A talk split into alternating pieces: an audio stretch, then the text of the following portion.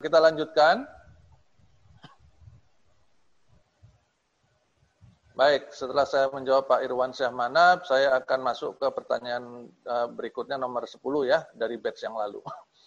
Eh, pertanyaan Pak Irwan Syah adalah, Pak Denny maaf masih menyambung pertanyaan sebelumnya. Barangkali pembuatan perjanjian harian lepas yang dikaitkan dengan kontrak 6 bulan tadi, berkaitan dengan pembayaran upahnya yang berdasarkan harian. Jadi upah dibayar berdasarkan jumlah hari kerja, hari masuk kerja. Apakah itu benar? Bagaimana dengan prinsip no work no pay? Nah, nih Bapak Ibu, ya. Pertama kita harus form dulu nih. Kalau ini adalah harian lepas, maka pembayar apa perjanjian kerjanya adalah satu hari, ya. Kalau perjanjian kerja satu hari, upahnya per hari, oke? Okay? Satu hari berapa puluh ribu misalkan, satu hari seratus lima puluh ribu misalkan, ya. Misalkan satu hari seratus lima puluh ribu. Kemudian eh, metode pembayarannya apakah itu mingguan atau bulanan, itu adalah cara pembayaran.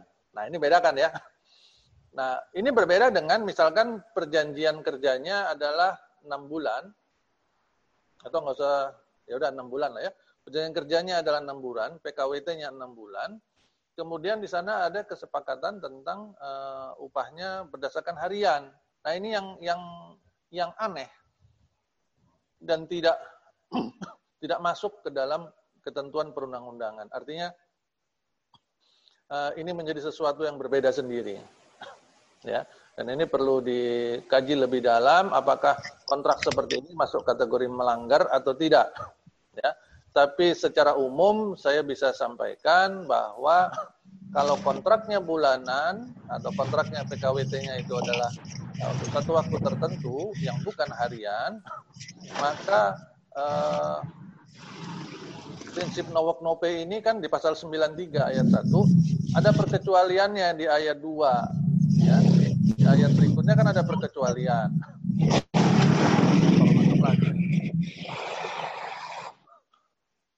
Baik. Jadi kembali ke tadi, uh, azas nawak nope itu kan ada perkecualiannya juga. Jadi tidak bisa mentah-mentah nawak nope itu langsung diterapkan tanpa melihat perkecualian yang ada di ayat selanjutnya. Bapak Ibu, asas no work no pay itu ada di dalam pasal 93 ayat 1 di Undang-Undang 13 2003 ya. Itu asas no work no pay. Tapi eh, tidak berhenti sampai di situ ya. Ada ayat 2-nya perkecualiannya. Pada kondisi sakit, pada kondisi lagi istirahat, pada kondisi yang lain-lain ada disebutkan di sana. Ya. Sehingga nggak bisa sembarangan bilang bahwa eh, hmm, Denny misalkan hari ini pokoknya Denny masuknya berapa hari ya itu dibayar per harinya 5 ribu, per hari 5 ribu per hari misalkan lima eh, lima ratus ribu, udah bayar lima ratus ribu kali berapa hari dia kerja. Nggak sesederhana itu, ya. Nggak sesederhana itu. Baik, begitulah kurang lebih ya, uh, Pak Irwansyah. Kemudian berikutnya, saya mau masuk dulu ke pertanyaan yang sisa dari batch lalu. Pertanyaan nomor 10. Bolehkah Bolehkah PKWT pembaruan setelah dua kali PKWT langsung diperpanjang tanpa ada jeda satu bulan? Dan dalam PKWT pembaruan tersebut dituliskan bahwa memang mengesampingkan mengenai ketentuan jeda satu bulan yang disepakati bersama antara perusahaan dan pekerja. Baik. Bapak Ibu semua, karena dalam pertanyaan ini ada ada istilah PKWT pembaharuan, artinya PKWT ini masuk dalam kategori PKWT jenis pertama ya, yang eh, jenis pekerjaannya sekali selesai atau sementara sifatnya paling lama tiga tahun.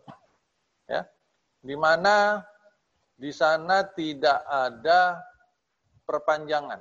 Jadi setelah PKWT pertama paling lama tiga tahun, kemudian eh, dia jeda selama minimal 30 hari, Eh, kemudian baru pembaharuan paling lama dua tahun. Jadi kalau secara kontrak, kontraknya itu ada berapa? Atau ya periode perjanjiannya ada berapa? Ada dua kan? Yang pertama sama yang pembaharuan. Oke? Kita baru bahas tentang banyaknya PKWT di dalam satu jenis PKWT. Jadi ada dua. Sehingga kalau dari pertanyaan ini, PKWT pembaruan setelah dua kali PKWT, itu udah langsung dua kali PKWT, terus langsung diperpanjang tanpa ada jeda satu bulan. Berarti uh, berarti yang dilakukan adalah PKWT sudah dua kali. Nggak jelas apakah dua kalinya ini modelnya perpanjangan atau pembaruan. Kalau asumsi saya kayaknya ini pemba eh, perpanjangan. Jadi setelah misalkan berapa lama, kemudian diperpanjang berapa lama, itu PKWT kedua, kemudian uh, setelah itu baru uh, menggunakan pembaruan. Nah, itu berarti sudah tiga kali. Nah, tiga kali PKWT itu nggak ada loh Bapak Ibu. Nggak ada di Kemen 100 tahun 2004, tidak ada PKWT setelah diperpanjang, setelah PKWT pertama, PKWT kedua, kemudian uh, jeda 30 hari, baru kemudian pembaruan. Ini nggak ada kayak gini. Yang ada adalah begini, perpanjangan, PKWT pertama dan perpanjangan, atau begini, PKWT pertama, kemudian pembaruan. Ya, jadi nggak ada, tiga-tiganya bermain tuh nggak ada. Dari sini saja sudah terlihat ada sesuatu yang menarik dan perlu dilakukan penelitian atau kajian lebih mendalam. Jadi nggak mungkin ada tiga kali PKWT. Ya. Jadi Eh, secara sederhana saya bisa sampaikan bahwa uh, tiga kali PKWT itu sesuatu yang keliru, itu pertama. Kemudian yang kedua, pertanyaannya adalah mengesampingkan ketentuan jeda yang 30 hari. Di dalam uh, Kepmen 100 tahun 2004, di sana di dalam salah satu pasalnya juga menjelaskan mengenai ketentuan jeda waktu lebih dari 30 hari dan itu tidak titik Bapak Ibu. Nggak usah khawatir. Ternyata banyak di antara kita yang tidak dengan cermat mempelajari Kemen 100 2004. Di ayat berikutnya, dari ketentuan tentang jeda waktu uh, minimal atau paling sedikit 30 hari, itu ada ayat berikutnya. Ketentuan itu dapat uh, diatur lain berdasarkan kesepakatan perusahaan dan karyawan dalam perjanjian. Begitu. Jadi boleh kalau udah sepakat. Ya. Ada beberapa persyaratannya untuk kesepakatan itu tertulis dalam perjanjian dan sebagainya. Begitu ya, kurang lebih. Nah, sebelum masuk ke 11, saya mau balik dulu sedikit ke pertanyaan yang ada di grup chat.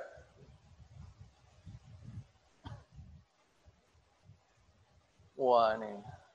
Bagaimana penerapan SK Kepala Dinas Tenaga Kerja DKI Jakarta nomor 1477 tahun 2020 terkait dengan poin tidak boleh mem-PHK karyawan. Di media disebutkan bahwa Pemprov DKI mengimbau agar perusahaan tidak melakukan PHK terhadap karyawan yang terpapar COVID atau sedang melakukan isolasi mandiri yang atau yang sehat selama PSBB transisi. Terima kasih. Baik, Bapak Ibu, eh, hal pertama tentang masalah aturan. Tentang masalah peraturan, saya sangat menyarankan kita tidak uh, terprovokasi oleh berita-berita di media. Media itu memang membutuhkan uh, headline atau namanya judul yang uh, nadanya provokatif sehingga memancing kekepoan dari kita untuk membaca beritanya ya itu memang strategi marketingnya di media memang seperti itu. Ya. Tetapi apabila kita melihat kepada apabila kita melihat dengan cermat kepada isi uh, eh, SK Kadisnaker Provinsi DKI Jakarta 1477 tahun 2020 itu kan merubah dari uh, eh, SK sebelumnya yang tak yang nomor 1363 tahun 2020. Jadi kurang baru beberapa hari terus dirubah lah ya ceritanya begitu. Uh, dirubahnya pada poin tertentu, uh, tapi bukan poin tentang PHK. Nah, poin tentang PHK-nya itu justru adanya bukan di uh, SK atau uh, SK nomor 1477, tapi ada di SK nomor 1363. Ya. Apabila Bapak Ibu apabila Bapak Ibu melihat isi SK Disnaker SK Kadisnaker nomor 1363 tahun 2020 ya. Maka di sana ada disebutkan tentang kalimat yang berhubungan dengan PHK itu ada di uh, bagian kedua pada huruf J. Pada huruf J Jakarta, Juliet ya. Bunyinya begini. Tidak melakukan PHK dan tetap memberikan hak-hak yang biasa diterima oleh pekerja yang sedang melakukan karantina mandiri. Titik. Di bagian selanjutnya dalam SK tersebut tidak ada lagi bicara tentang PHK. Ya. Jadi PHK-nya itu dilarang bukan untuk apa namanya PHK yang dilarang khusus untuk karyawan yang sedang melakukan karantina mandiri. Jadi kalau ada karyawan yang uh, harus isolasi mandiri, kalau isolasi dari rumah sakit sih mungkin ada dokumennya ya, ada surat menyuratnya.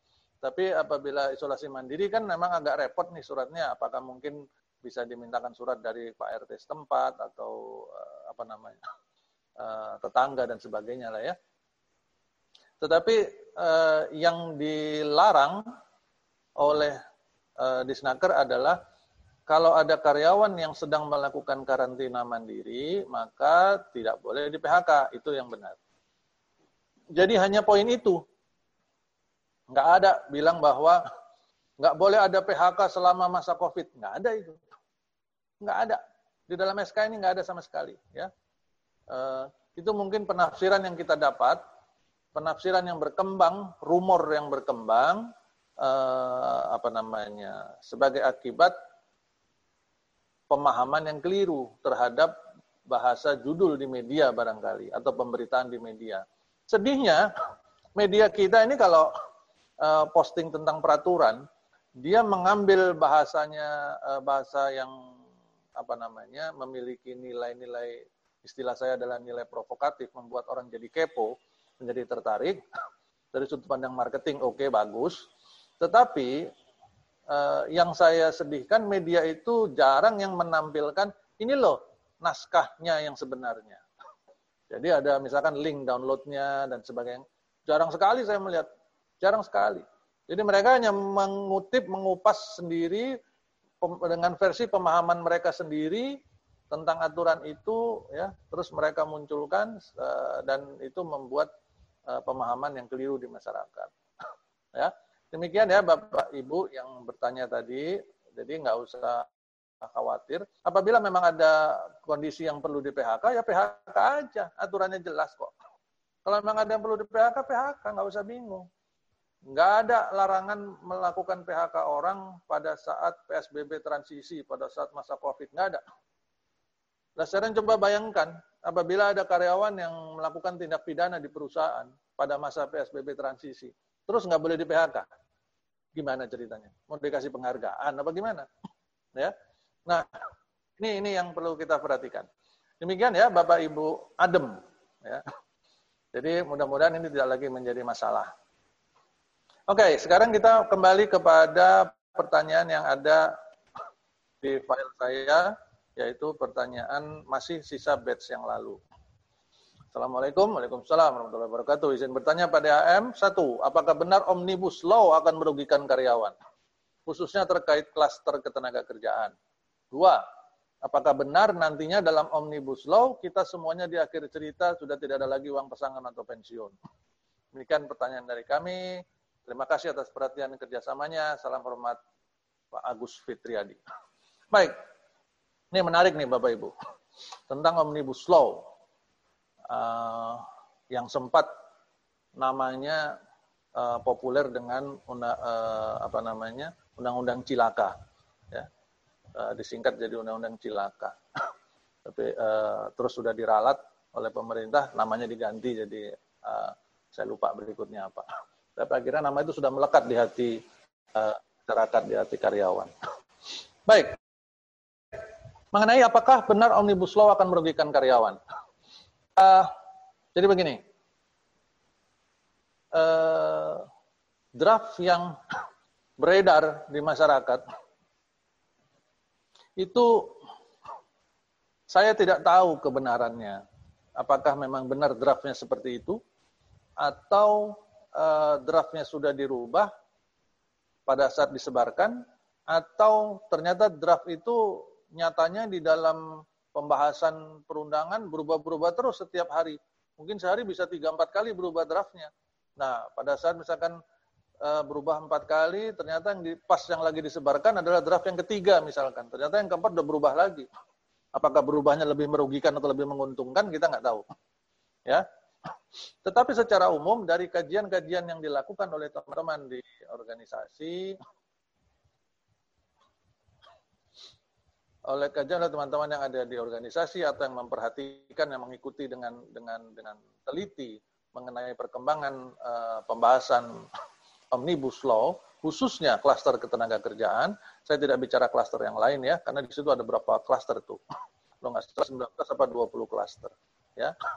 Nah, khusus mengenai klaster ketenaga kerjaan, dari draft-draft yang berkembang di masyarakat, yang diterima di banyak grup WhatsApp dan sebagainya, memang eh, kok yang yang beredar itu eh, memang arahnya oleh sebagian besar karyawan dianggap merugikan. Ya. Memang dianggap merugikan. Dan ini memang yang menjadi permasalahan ya mengenai PKWT, kemudian mengenai pesangon juga, terus ada yang katanya nggak ada lagi pesangon, tapi yang ada adalah uh, bantuan bantuan PHK selama berapa enam bulan apa gimana ya yang digunakan untuk mencari kerja dan sebagainya. Nah uh, banyak hal-hal yang memang kemudian besaran tabel pesangon menjadi dikurangin uh, sehingga tidak sedemikian besar, kemudian nilainya pun berubah Eh, masa kerjanya turun dan nilainya berubah, ada batasan tertentu dan sebagainya. Itu adalah kajian-kajian yang berkembang dalam eh, apa namanya di grup-grup WhatsApp eh, atau dalam draft-draft yang tersebar di masyarakat, ya. Sehingga memang menjadi penting bagi kita untuk mengikuti apabila kita merasa bahwa ini penting bagi masa depan kita, maka sebaiknya kita baik secara sendiri-sendiri maupun secara uh, berkelompok atau mengikut kepada organisasi-organisasi tertentu untuk ikut serta aktif dalam uh, memperhatikan, mengawasi pembahasan diskusi tentang omnibus law. Seingat saya, sepemahaman saya saat ini sedang tidak dibahas ya. Katanya diundur apa gimana ya? Diundur jadi uh, itu uh, diundur karena banyak protes dari karyawan jadi sekarang sedang tidak dibahas ya tetapi memang apabila kita merasa ini penting bagi masa depan kita maka kita perlu untuk mengikuti ya.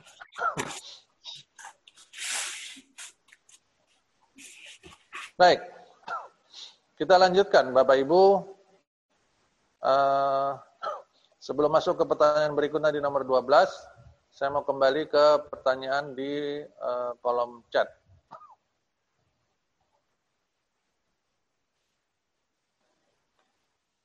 Mohon penjelasan flow proses penerapan PHK pasal 151 ayat 3. Uh, eh, boleh di, di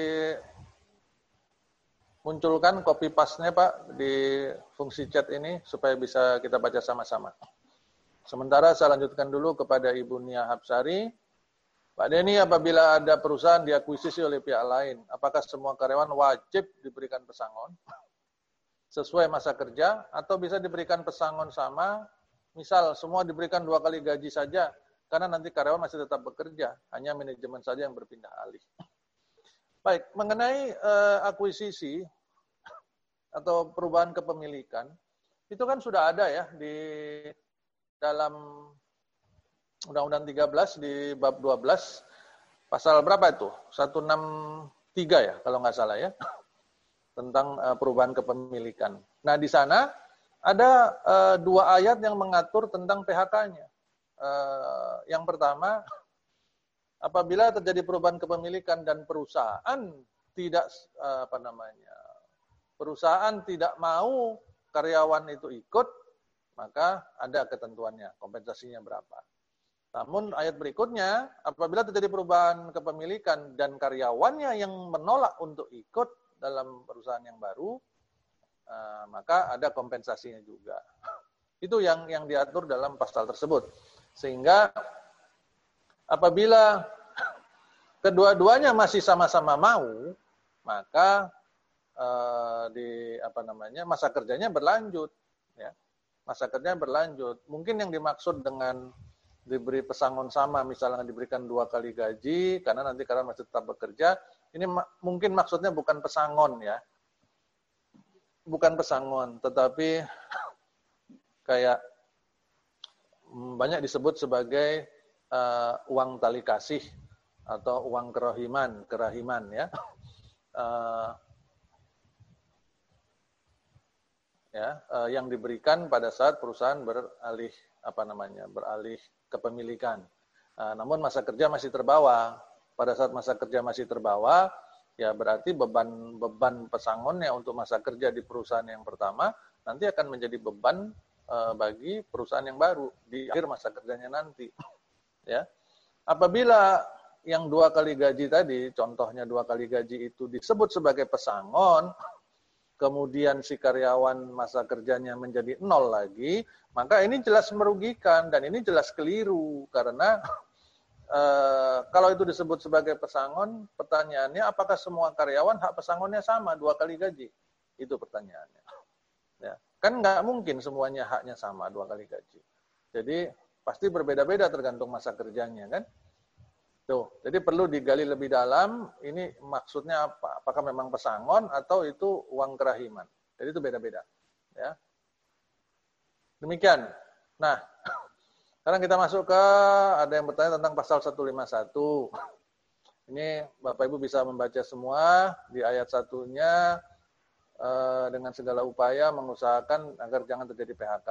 Ayat 2-nya apabila upaya telah dilakukan, PHK tidak dapat dihindari, maka maksud PHK wajib dirundingkan oleh pengusaha kepada pekerja atau serikat pekerjanya. Ya.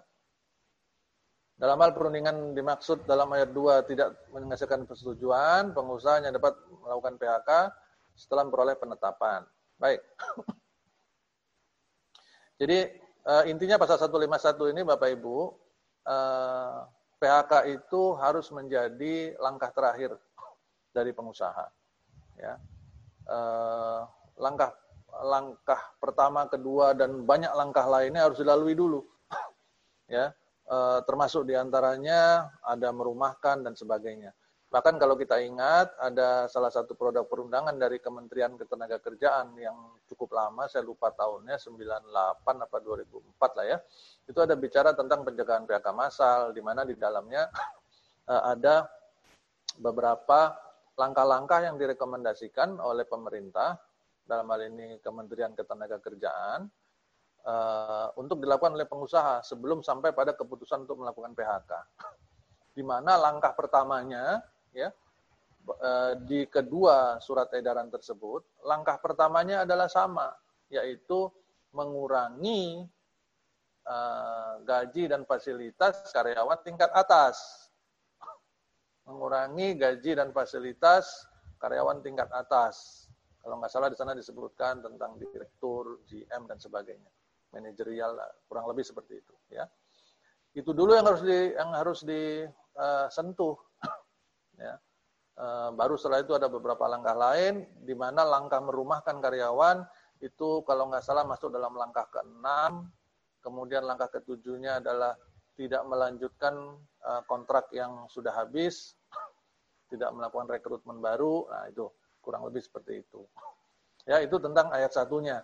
Jadi nggak nggak gampang nggak gampang-gampang seharusnya melakukan PHK itu uh, asal lihat, wah kondisi lagi nggak enak, yuk PHK-in orang-orang yuk gitu. Enggak, bukan seperti itu. Enggak bisa seperti itu ya. Ini idealnya. Pasal 151 itu bicara tentang prinsip dan uh, idealismenya. Ayat 2-nya, kalau memang harus terjadi uh, eh, PHK, akhirnya, jadi setelah ayat 1 benar-benar dijalankan, baru masuk ayat 2. Ini sudah dilakukan Pak, semua sudah dilakukan tuh, arahan-arahan dari kementerian dalam surat edaran itu sudah dijalankan semua, delapan langkah itu sampai akhirnya kita tetap uh, uh, harus melakukan PHK. Oke, okay. kalau itu dilakukan, maka uh, PHK itu harus dibicarakan dengan si karyawan yang bersangkutan atau kalau dia udah uh, ada serikat dan dia menjadi anggota serikat, maka dibicarakan kepada serikat yang bersangkutan, di mana si karyawan tersebut menjadi anggotanya. Nah, dicari kesepakatan. Nah, nah baru pada saat uh, ayat tiganya, kalau perundingan sudah dilakukan dan benar-benar tidak menghasilkan kesepakatan atau persetujuan, maka perusahaan uh, harus melakukan uh, uh, menjalankan proses penyelesaian perselisihan hubungan industrial. Itu maksudnya. Jadi yang perusahaan mengangkat masalah ini bipartit yang sudah selesai, jadi mengangkatnya menjadi masalah uh, maju terus lanjut ke PAI, Mahkamah Agung. Seperti itu kurang lebih. ya Begitu flow-nya Bapak Ibu. Baik. Kita lanjutkan.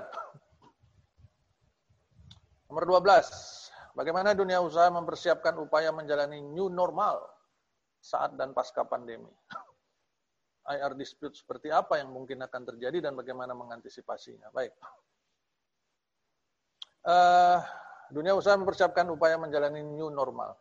Saya bukan ahli bisnis, saya bukan ahli ekonomi, eh, tapi paling tidak yang bisa saya sampaikan secara umum dan mungkin ini, mungkin apa yang saya sampaikan ini sangat remeh, sangat kecil di mata para pengusaha-pengusaha besar, ya, para top manajemen di perusahaan yang mungkin mengikuti acara ini. Eh, tapi yang bisa saya sampaikan adalah Eh, bagaimana dunia usaha mempersiapkan. Yang pertama adalah kreativitas. kreativitas artinya bagaimana uh, tetap menjaga kesehatan karyawannya, tetap menjaga supaya penyebaran COVID ini tidak semakin merajalela di daerah lokasi kerjanya masing-masing tetapi pada saat yang bersamaan perusahaan uh, tetap bisa menjalankan usahanya. ya, maka kreativitas itu yang penting. Di batch-batch sebelumnya saya sudah ceritakan beberapa contoh uh, perusahaan-perusahaan yang banyak melakukan inovasi-inovasi. Inovasinya mungkin kesannya adalah dadakan, tapi itu memang perlu dilakukan dan uh, paling tidak itu bisa membantu menyelamatkan. Ya, hmm, Contoh yang sekarang baru baru kemarin kalau nggak salah saya baca di media di salah satu media online tentang bisnis uh, produsen sepeda, ya Bapak Ibu, bisnis uh, produsen sepeda itu beberapa waktu yang lalu memang sudah banyak mempersiapkan PHK bahkan ada yang sebagian yang sudah mem-PHK. Kenapa? Karena uh, penjualan yang sangat turun. Tetapi menariknya pada saat uh, apa namanya PSBB transisi ini uh, propaganda new normal ini dilakukan oleh pemerintah, eh, ternyata eh, apa namanya permintaan akan sepeda itu menjadi meningkat sangat tajam. Ya, sepeda, sepeda ya, sepeda goes itu, ya, itu menjadi meningkat sangat tajam sehingga eh, produsen sepeda itu buru-buru uh, menjalankan lagi produksi sepedanya. Dan uh, sebagian dari mereka bahkan sudah menghentikan uh, menghentikan uh, menghentikan rencana PHK-nya. Dan itu disampaikan oleh uh, perwakilan pengusahanya, mereka menyampaikan bahwa saat ini kami menghentikan rencana PHK uh, karena ada permintaan uh, sepeda di market sangat tinggi. Ya. Meskipun itu mungkin uh, menurut mereka itu bersifat sementara sehingga kami tetap harus siap efisien. Kurang lebih demikian ya. Jadi kreatif itu menjadi penting.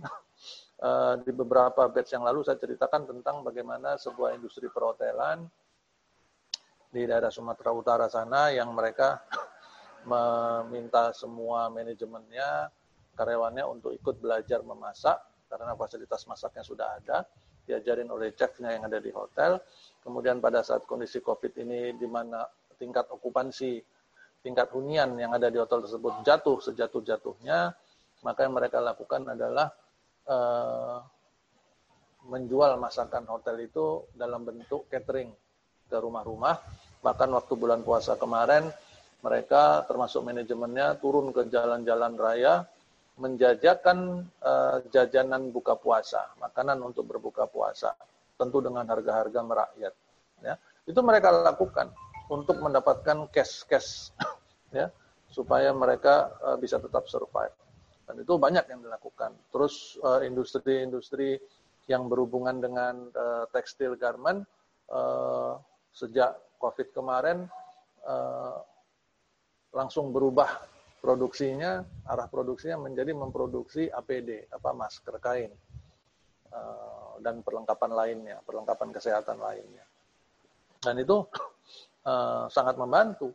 Bahkan nggak hanya industri-industri uh, garment atau tekstil yang memproduksi masker-masker apa namanya kain, termasuklah juga beberapa BUMN yang memang mereka tidak apa bisnis utamanya bukan memproduksi APD dalam kondisi ini mereka semua diarahkan untuk memproduksi APD. ya. uh, itu kurang lebih tentang persiapan dunia usaha. Namun yang perlu diingat Bapak Ibu, uh, segala persiapan termasuk salah satunya adalah mematuhi uh, berbagai himbauan atau aturan yang dikeluarkan oleh pemerintah dalam rangka masa transisi itu, new normal itu, ya. Seperti yang tadi sempat ditanyakan mengenai SK Disnaker Provinsi DKI ya, yang mengatur terma, apa bagaimana di tempat kerja, terus ada surat uh, edaran dari Menteri Kesehatan tentang menjaga kesehatan di tempat kerja, termasuk jarak antara pekerja harus minimal satu meter dan sebagainya, ya dan uh, itu kan membuat perubahan-perubahan yang yang cukup signifikan di perusahaan.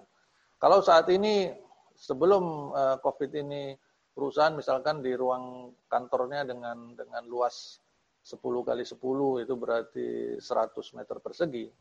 Itu diisi oleh begitu banyak orang, dibanyak-banyakin orangnya supaya efisien ya. Sehingga jalan aja harus mepet-mepet kan harus miring-miring jalannya antar antara meja antara kursi itu. Tapi dengan kondisi seperti ini eh, saat ini mau nggak mau itu harus dirubah, ya eh, minimal satu meter jarak antara satu orang dengan yang lainnya. Demikian juga di area produksi. Kita lihat di area produksi kalau kita ambil contoh yang paling sederhana, yang paling kelihatan di produksi garment sana, di industri tekstil, atau konveksi, jarak antara penjahit satu dengan penjahit yang lain itu bisa mepet-mepet kan. Kemudian mungkin uh, industri manufaktur antara operator mesinnya dengan operator penerima produk dari mesin itu jaraknya juga cukup dekat misalkan. Nah, itu yang yang uh, yang harus dirubah. Nah, perubahan-perubahan ini sifatnya sementara kalau pandangan saya. Kenapa perubahan ini sementara? Karena ini dalam konteks persiapan uh, apa uh, yang disebut sebagai new normal tadi. Ya, new normal ini bukan berarti menggantikan normal yang ada selama ini. Karena nanti kita akan sampai pada suatu eh, kondisi, pada suatu saat di mana sekarang ini kan vaksinnya belum ditemukan obatnya. Obatnya belum ditemukan, vaksinnya belum ditemukan. Kemudian eh, yang bisa ditemukan adalah ciri-cirinya dan bagaimana trik menghindari ya kan dari eh, eh, penyakit ini. Maka yang dilakukan adalah berupaya untuk perekonomian bisa tetap berjalan, tapi dengan uh, mengikuti trik-trik tadi. Nah, pada saatnya nanti uh, vaksin atau obat yang sudah ditemukan, kemudian uh, misalkan ini setelah ditemukan, kemudian pemerintah memutuskan untuk oke, okay, 280 juta penduduk Indonesia semua dikasih obat itu gratis semua. Kemudian disuruh minum selama satu bulan gratis, kemudian nggak cukup dengan itu diputuskan untuk me, apa namanya, menyiramkan melalui udara misalkan ke seluruh wilayah Indonesia, misalkan ya, misalkan itu uh, terjadi. Hari itu nanti akan sampai, kemudian penyakit ini sudah tidak ada lagi, atau akhirnya paling tidak penyakit ini sudah dianggap seperti flu biasa, seperti orang batuk pilek biasa aja. Uh, kemarin kan orang batuk pilek biasa aja kan kita, ya. Udah sampai dalam tahap seperti itu, maka yang hari ini kita sebut sebagai new normal dengan segala praktek-praktek yang diatur tadi minimal satu meter dan sebagainya ya, terus 50 persen eh, ada di ruangan dan sebagainya, itu akan berubah, akan kembali eh, kepada kondisi sebelum new normal, itu back to normal akhirnya, ya, back to normal. Gitu. Maka ada sebagian orang yang kurang kurang setuju dengan istilah new normal, karena sebenarnya normalnya itu belum mulai sekarang. Tapi ya sudahlah, masalah istilah ya. Tapi ujungnya nanti kita akan kembali kepada kondisi seperti um, sebelum penyakit ini muncul. Karena uh, tujuannya sekarang dicari obat untuk uh, menyembuhkan atau menghilangkan penyakit ini. Ya. Nah, mengenai IR dispute-nya, ini yang menarik Bapak Ibu, karena kita di sini membahas tentang ketenaga kerjaan. Uh, IR dispute yang mungkin akan terjadi, bahkan kalau saya bilang bukan mungkin ya, eh, sekarang ini sudah mulai, pada saat sudah mulai pelonggaran-pelonggaran PSBB, saat ini mulai muncul nih, ibaratnya balon ini udah mulai pada meletus nih, ya. Sehingga pasti teman-teman kita di di Snaker sekarang sudah mulai kewalahan untuk menerima kasus-kasus. Uh, saya saya kok optimis saya kok optimis melihat kasus-kasus yang uh, dispute yang muncul itu akan didominasi oleh beberapa hal uh, perselisihan. Yang pertama masalah pengupahan uh, karena pemotongan upah tanpa kesepakatan, ya. Kemudian uh, masalah merumahkan, kemudian PHK tidak bayar pesangon, kemudian potong eh, eh, berhenti kontrak atau putus kontrak tapi tidak membayar membayar sisa kontrak ya semuanya dengan alasan eh, COVID. Eh, saya keoptimis permasalahan ini akan meledak ke permukaan dalam waktu-waktu dekat ini. Karena sekarang sudah mulai bisa bertemu lagi secara fisik. Saya yakin pelayanan di, di Senaker juga sudah mulai dibuka Eh, sehingga mulailah mengantri orang-orang yang membuat pengaduan tertulis. Ya. Ini yang akan terjadi. Nah, hal menarik lainnya Bapak Ibu, pada saat uh, dispute atau perselisihan ini sudah mulai muncul, pada saat seorang karyawan atau sekelompok karyawan itu sudah mulai mengajukan keberatan atau gugatan, uh, diawali melalui uh, pengaduan ke disnaker setempat, biasanya mereka tidak hanya mengangkat masalah utamanya atau masalah kalau masalahnya adalah masalah PHK misalkan. Masalah PHK dia saja. Enggak dia enggak akan enggak akan berhenti sampai di situ. Karena pada saat si karyawan atau sekelompok karyawan ini sudah mulai mengangkat masalahnya eh, mau beranjak pada perselisihan maka mereka akan mengangkat berbagai macam masalah yang memang ada di perusahaan itu hari ini dan sebelumnya, di hari-hari sebelumnya, itu semua diangkat, diakumulasi, dan dimunculkan dalam perselisihan. Ya.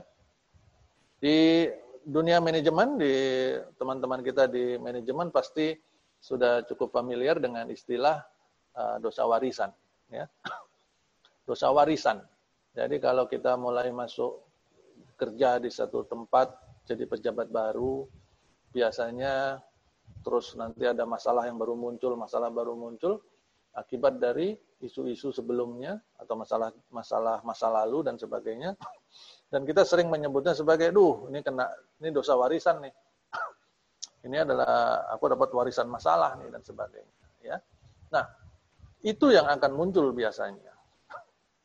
Apalagi pada saat si karyawan hari ini Eh, mereka mengangkat masalahnya kepada pemerintah kemudian mengikuti jalur prosedur penyelesaian perselisihan hubungan industrial, mereka akan mengangkat daftar dosa tadi. Daftar dosa warisan-warisan tadi itu. Itu semua akan diangkat. Misalkan, apa contohnya? Kurang bayar lembur. Lembur itu dipukul rata sejam 5.000 perak deh. Wah, itu seru itu. itu dikumpulin sejak kapan? Kalau dulu ada masa kadaluarsa berhubungan dengan pengupahan paling lama dua tahun, sekarang udah nggak ada kadaluarsa itu. Sehingga dia bisa tarik mundur Ke mana? Jauh ke belakang. Sampai kapan? Sampai dia pada saat mulai bekerja. Itu baru tentang kurang bayar lemburnya. Belum kurang bayar uh, eh, UMK-nya, belum pemotongan yang lain, belum pelanggaran-pelanggaran yang lain. Ya. Begitu banyak yang daftar dosa yang bisa diangkat oleh karyawan dalam uh, perselisihan-perselisihan baru ini. Sehingga kita bisa bayangkan akan seperti apa ledakan kasus IR di uh, dalam waktu dekat ini. Nah, bagaimana mengantisipasinya? dalam konteks perusahaan, saya sangat menyarankan perusahaan benar-benar uh, memastikan apa namanya tanda kutip keamanan praktek HR-nya melalui sebuah proses penilaian atau sebuah proses apa namanya assessment atau apa ya review atau apa pun namanya atau audit tentang kepatuhannya. Kepatuhannya adalah uh, tentang kepatuhan hukumnya. Nah, apa namanya kalau di yang yang saya lakukan selama ini di DHM Partners itu kita punya yang namanya HR compliance assessment.